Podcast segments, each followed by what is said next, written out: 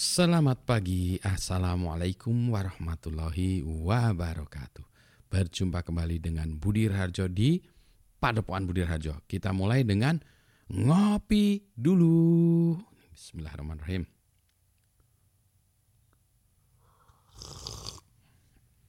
Ah, Segar. Ini kopi tapi gelasnya gelas teh kali ini. Kopi pagi ini adalah dari Glik. Eh sebentar mana bungkusnya? Sebentar saya ambilkan ya. Ini dia. Ah, bungkusnya Glik kopi. Et et et et et Glik kopi. Ah. Dari Gandok Gondola Lembang. Ini kopi Lembang. Ya, eh, natural. Oh, sedap nih. Ah, pokoknya sedap lah. Terima kasih Mang Odong uh, kopinya. Ya nih kopinya. Wah oh, ini asik nanti saya tambah lagi nih kayaknya. Pagi-pagi hari ini uh, masih awal-awal tahun 2024 kita bahas soal hilirisasi uh, teknologi digital apa sih? Rame-rame orang ini ya gara-gara Mas Gibran ngomong kayak gitu ya. Uh, hilirisasi ada teknologi informasi ini eh, kacamata saya ya. Beda mungkin pendapat saya dengan Mas Gibran beda beda dengan pendapat orang lain beda, tapi ini adalah versi Budi Raharjo. Hilirisasi teknologi informasi. Ada nggak? Banyak orang yang tertawa. Wah nggak ada gini. Ada. menurut Pak Budi Raharjo ini juga ada gitu ya. Nah, menurut Padepokan Budi Raharjo ada. Mari kita ini dulu ya. Uh, sebetulnya hulu dengan hilir itu apa sih gitu ya? Kalau bahasa Sunda hulu itu artinya kepala.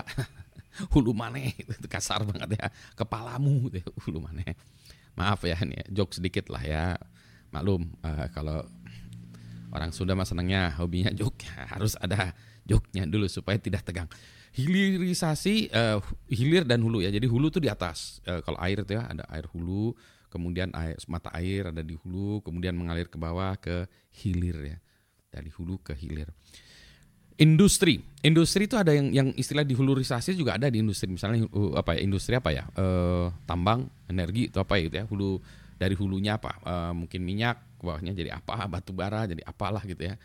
Uh, kalau di dalam teknologi informasi hulunya apa sih hulunya itu nah, adalah menurut saya adalah semiconductor semiconductor itu apa uh, itu adalah uh, cikal bakal yang untuk di bawahnya nanti itu adalah komponen elektronika.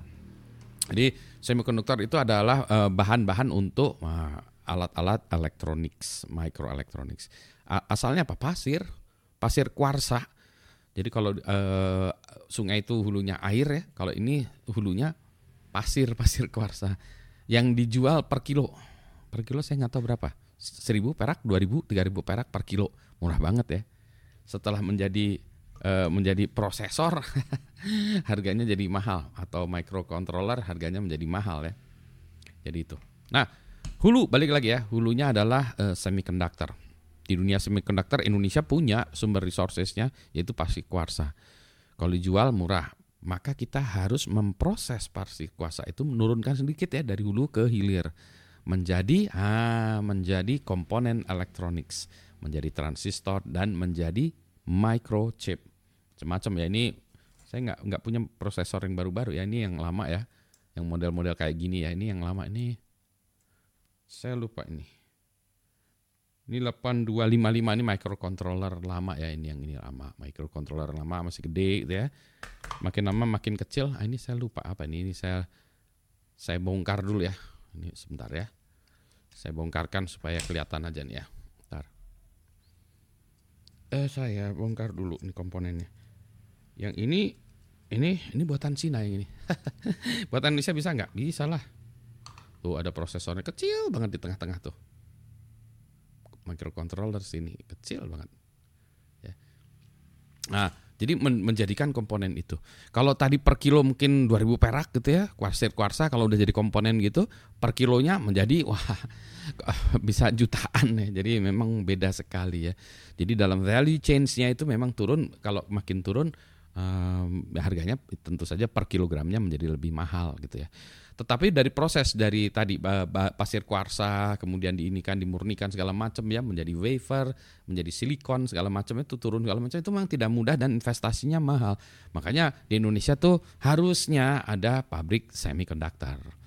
Ya, e, kalau kita bicara soal kemandirian pusat air kan yang penting tuh ya. Kalau kita punya sumber mata airnya penting itu karena kalau dikuasai oleh uh, uh, negara lain atau apa gerombolan lain ya kita dihilir kan kita sangat bergantung pada hulunya. Maka penguasaan hulunya tuh harusnya menjadi penting juga ya. Jadi itu menghulukan kalau kemandirian. Kalau nah cuma duitnya ada di hilir duitnya ada di hilir nah kalau kita bicara tentang teknologi digital apa di hilirnya kita kenal dengan electronic commerce media sosial media ada kita ada apa? Tokopedia Shopee segala macam ya. E, media sosial ada apa? Ada WhatsApp eh sorry ada Facebook ada TikTok ada Instagram e, chat ada WhatsApp ada Telegram segala macam. Itu di, udah dihilir ya. Aplikasi-aplikasi dihilir. Ya, jadi uh, face detection recognition AI segala macam itu udah dihilir di bawah.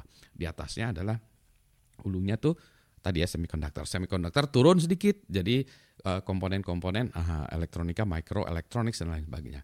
Saya tahu gitu karena bidang keilmuan saya adalah microelectronics, VLSI, very large scale integration, IC design dan seterusnya. Jadi bidang keilmuan saya PhD saya di bidang itu. ada teman-teman saya yang di bidang semikonduktor ada. Saya di, satu uh, setelah di TSM masih lebih hilir dari semikonduktornya saya desain chipnya. Jadi kerjaan saya dulu adalah sekolah saya dulu adalah mendesain yang kayak gini gitu ya. Memang harusnya saya kerjanya di Silicon Valley, tetapi saya karena suka Bandung, suka Indonesia, saya balik ke Indonesia. Dasar orang Indonesia. Turun lagi ya dari situ. Dari situ mulailah apa? Komputer. Ya, jadi kalau komponen-komponen begini aja nah, belum jadi apa-apa, maka muncullah menjadi komputer. Jadi kalau kita hulunya dari tadi ya, ulut lagi ini harusnya digambarin ya. Itu turun lagi semikonduktor, electronics, kemudian dari teknologi komputer, ilmu-ilmu komputer, buat komputer, uh, rekayasa komputer, soal arsitekturnya, maka kita dulu zamannya ada apa? IBM PC, Apple, semuanya itu komputer ya. Sebelum itu masih ada lagi ya, ada Motorola, ada segala macam. Jadi di situ, di situ tuh teknologi-teknologinya luar biasa buat chip, buat komputer, menjadi package produk IBM PC, Nah, sekarang yang Anda pakai tuh MacBook Pro ya. Itu itu itu komputer ya. Jadi turun dari jadi komputer. Kita harusnya bisa juga. Iya, kita kalau dibilang kita sebagai industri untuk merakit komputer, harusnya bisa merakit komputer. PCB-nya mungkin buatan Taiwan, prosesornya desain di Amerika, diimplementasikan di Taiwan atau di Jepang, gitu ya. Gitu.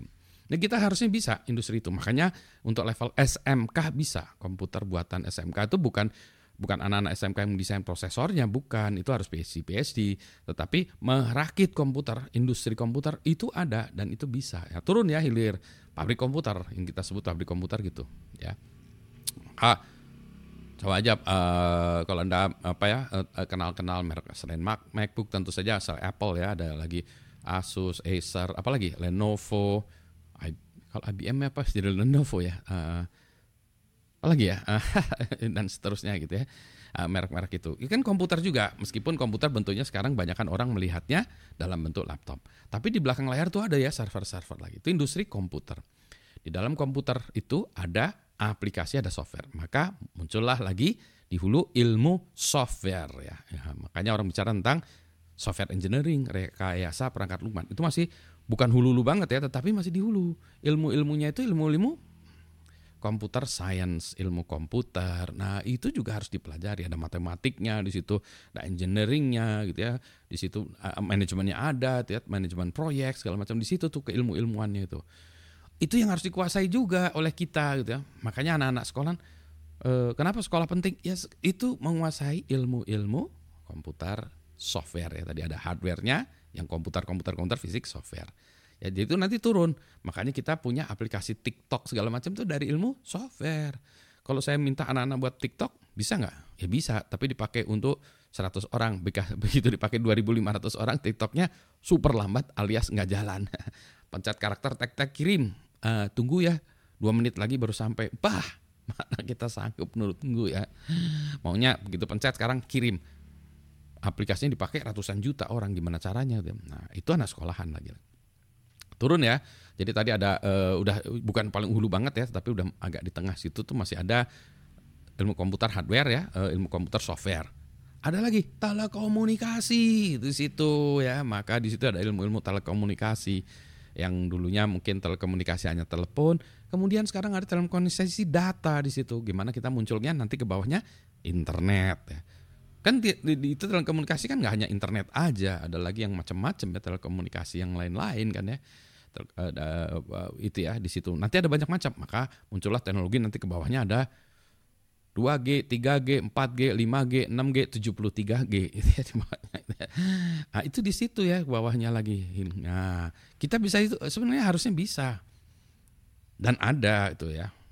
Mas Hoirul tuh ya ada di 5G, dia ikutan di 5G segala macam. Jadi ada orang Indonesia ada lah.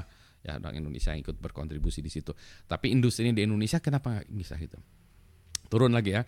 Turun lagi. Nah, eh, jadi tadi ada ilmu-ilmu di situ ya Nah, kemudian ada ilmu selain itu hardware juga ada lagi selain tadi hardware masih termasuk komputer tuh hardware disk segala macam maka itu terkait kalau software yang database maka orang bicara cloud computing gabungan dari semua ini ada komputernya ada ilmu hardware software eh, kemudian ada networknya cloud computing itu dipakai juga gitu. turun lagi ya. Nah maksudnya apa? Di setiap titik itu itu ada industrinya ada perusahaannya ada duitnya ada segala macam. Itu dihilirkan dari situ ya. Turun lagi maka turun lagi membuat jadi aplikasi-aplikasi. Turunlah aplikasi mungkin dari teknologi komputer turun menjadi handphone. Deng deng deng ya handphone ini handphone udah kuno semua nih padahal masih dulu ini handphone berapa ya? Udah kuno ya. Turun jadi gini hardware. Jadilah begini hardware ya hilirisasi itu dari atas turun situ. Dari situ itu turun menjadi aplikasi di dalam ini aplikasi. Aplikasi ini nonton anda nonton YouTube aplikasi segala macam software turun lagi. Gitu ya turun lagi turun lagi turun lagi. Nah itulah di ilmu lagi di sini ada lagi ilmu-ilmu yang lain orang bicara tentang teknologi-teknologi baru quote unquote ya ada IoT, blockchain, AI segala macam itu ada tuh itu masih agak di uh, udah turun ya dari tadi tapi agak belum sampai ke dalam aplikasinya sedikit gitu. Nah, dari situ bisa nggak kita hilirkan lagi? Blockchain bisa dihilirkan. Orang bicara tentang cryptocurrency. Ada yang benar, ada yang enggak, ada yang main-main. Secara teknologi blockchain benar. Secara uh, bahwa itu dibuat untuk jadi aplikasi yang penipu-nipuan atau aplikasi yang benar, ada blockchain itu ya. Jadi blockchain ada. Sama Internet of Things juga ya. Yang ini nih sebenarnya bagian dari Internet of Things sebetulnya. Kalau ini uh, development bird ya untuk main-mainan. Tapi Internet of Things itu yang ada contoh nih ya untuk yang yang ngecek darah kita ya atau darah atau jam tangan kita ya. Jam tangan saya mana nih? Jam tangan saya. Nah, ini ya jam tangan saya juga. Nah, ini bisa ini sebutnya masih termasuk Internet of Things ya ini gitu ya. Masa kita nggak bisa buat aplikasi di sini sih? Ah. eh by the way dulu saya di, diketawain. Jadi tahun taruh uh, ini ceritanya. Saya ngopi dulu tahun 87 88 ya awal-awal tuh zamannya waktu handphone masih ngetopnya Nokia Nokia yang pisang gitu ya jadi saya waktu itu buat proposal saya proposalnya saya kasihkan ke Nokia gitu saya bilang saya ingin membuat software untuk handphone diketawain dong handphone katanya nggak bisa handphone nggak bisa dibuatkan software software yang ada di handphone itu hanya bisa dibuat oleh pabrikan Kenapa? Karena pada zaman itu handphone memorinya kecil. Kalau harus memprogram harus memprogram di bytecode ya, uh, assembly atau bahkan mesin level gitu. Ya. Aplikasinya juga terbatas pada zaman itu. Kalau kita lihat handphone ya, handphone hanya bisa memuat 100 uh, eh, nomor. Karena memorinya kecil, hanya bisa uh, eh, 100 nomor kalau handphone. Kalau sekarang ini memorinya jauh lebih besar dari memori MacBook saya bahkan gitu ya. Uh, anyway, nah dulu aplikasi untuk di handphone tidak ada. Diketawain saya itu saya bilang saya membuat aplikasi. Nggak ada gitu. Sama dengan kalau anda sekarang bilang saya mau buat aplikasi di ini gitu ya. Ketawain memang bisa buat aplikasi di jam? Bisa lah jam ini juga nanti uh, kemampuan yang akan melebihi kemampuan handphone ya orang bicara tentang edge computing jadi itu ya itu udah dihilir tuh dihilir banyak sekali sekarang aplikasinya segala macam Nah, balik lagi pertanyaannya. Hilirisasi teknologi digital dari ujung sampai bawah ada. Oh iya masih ada lagi nih. Contoh lagi aplikasi apa? Uh, kalau dulu buat musik analog. Ini harus saya ambilkan contohnya ya. Kaset saya ada di sana tuh. piringan hitam. Dulu kalau membuat musik piringan hitam. Ya, piringan hitam. Adakah piringan hitamnya di dalamnya? Ada mestinya. Ada. Ah, ya. Piringan hitam nih, analog Kemudian muncullah ya jadi eh, piringan hitam analog nih Genesis Selling England by the Pound Boston album nah muncullah teknologi kita kemudian muncullah ini ya uh, buat musik pakai gini aja ini buat musik pakai program di komputer lagi-lagi digital nah ini pun ini kita nggak ada teknologinya. Kenapa kita nggak bisa buat kayak gini? Oke lah, kita menggunakan ini untuk membuat karya. Nah, balik lagi di hulunya ada macam-macam teknologi, ada semiconductor, ada microelectronics, ada komputer ya, hardware, software, ada telekomunikasi ya macam-macam sana. Terus turun turun turun ke hilir masih banyak ya hilir, buat perusahaan segala macam. Makanya itu di Silicon Valley ada macam-macam tuh. Turun ke bawah ke bawah ke bawah sampai akhirnya buat aplikasi dan seterusnya. Itu menghilirkan. Di Indonesia ada banyak juga penelitian-penelitian di kampus yang mandek. Ya, penelitian-penelitian mandek. Itu ya kalau kita anggap sebagai hulu Enggak, itu itu harusnya dihilirkan penelitian-penelitian itu menjadikan industri ya, menjadikan produk services. Jadi dulu nih saya pernah uh, menjadi review nih tahun berapa lupa ya uh, dari sebuah penelitian. Penelitian itu uh, mengatakan demikian. Ini zamannya dulu ya. Sebuah halaman web itu akan menjadi penting kalau dia di refer atau diacu oleh halaman yang lain. Itu kalau di dalam membuat makalah ya, sebuah makalah dia akan menjadi penting atau dianggap penting kalau makalah ini digunakan sebagai referensi oleh makalah-makalah lain ya. Jadi bukan bukan kita sering ngomong itu menjadi lebih penting, orang yang sering ngomong lebih penting, tapi orang yang di refer oleh orang lain itu dia lebih penting. Ya, seperti halnya makalah. Kayak gitu kan ya. Wah, penelitian saya bilang ini keren penelitiannya. Udah, penelitian selesai dikasih duit segala macam jadi duit penelitian, penelitiannya ini publish paper sudah di luar negeri jadilah itu yang menjadi bagian dari Google PageRank itu namanya PageRank ya. Uh, untuk melakukan searching. Jadi kalau kita search Google mana yang keluar di atas, nah itu ditentukan oleh algoritma seperti tadi. PageRank dan terusnya nanti mulai dari situ diturunkan menjadi ad uh, ad apa? AdWords ya. Uh, terus dan seterusnya gitu. Dan kata lain apa? Hilirisasi dari penelitian-penelitian di kampus menjadi sebuah ke bawahnya itu, nah itu terjadi Nah di kita juga tidak ya itu yang yang kita juga harusnya bisa melakukan hilirisasi penelitian-penelitian di kampus tadi menjadi nggak gampang, tidak gampang. Itulah sebabnya saya juga paling ini ya paling nggak suka uh, ini ya berteori-teori terus banyak omong gitu. Wah ngomong-ngomong gini-gini, wah ini harus gini harus gini enggak. Saya buat aja perusahaan-perusahaan riset. Jebret buat perusahaan. Emang susahnya kenapa? Susah ternyata Uh, jadi saya membuat perusahaan di bidang cyber security. Saya membuat perusahaan riset di bidang AI, artificial intelligence. Orang bicara tentang proyek kan gini-gini enggak, kami melakukan riset. Mendanai dari riset dari yang ada riset ini menjadi sebuah produk dan services tidak mudah. Ngabisin miliaran. Dari mana? Dari duit kantong-kantong teman-teman, dari venture capital dan seterusnya. Balik modalnya gimana? Ya kami harus menjual teknologinya itu menjadi produk yang bisa digunakan. Sudah jadi produk services yang digunakan. Tidak dibeli juga. Kenapa? Karena orang lain, pihak lain, perusahaan ada yang di Indonesia, pemerintah membeli produk dari luar negeri. Nah, jadi hilirisasi tadi selain tadi dari segi orang yang terlibatnya juga dari komitmen dari orang-orang Indonesia sebagai pembeli juga dari pemerintah untuk membeli produk-produk karya-karya Indonesia. Buk, ini saya bukan hanya soal ngomong-ngomong gitu aja, saya mengalami sendiri. Produk kami lebih hebat ya dari produk luar negeri sebelumnya gitu. Sekarang mereka mungkin lebih hebat ya.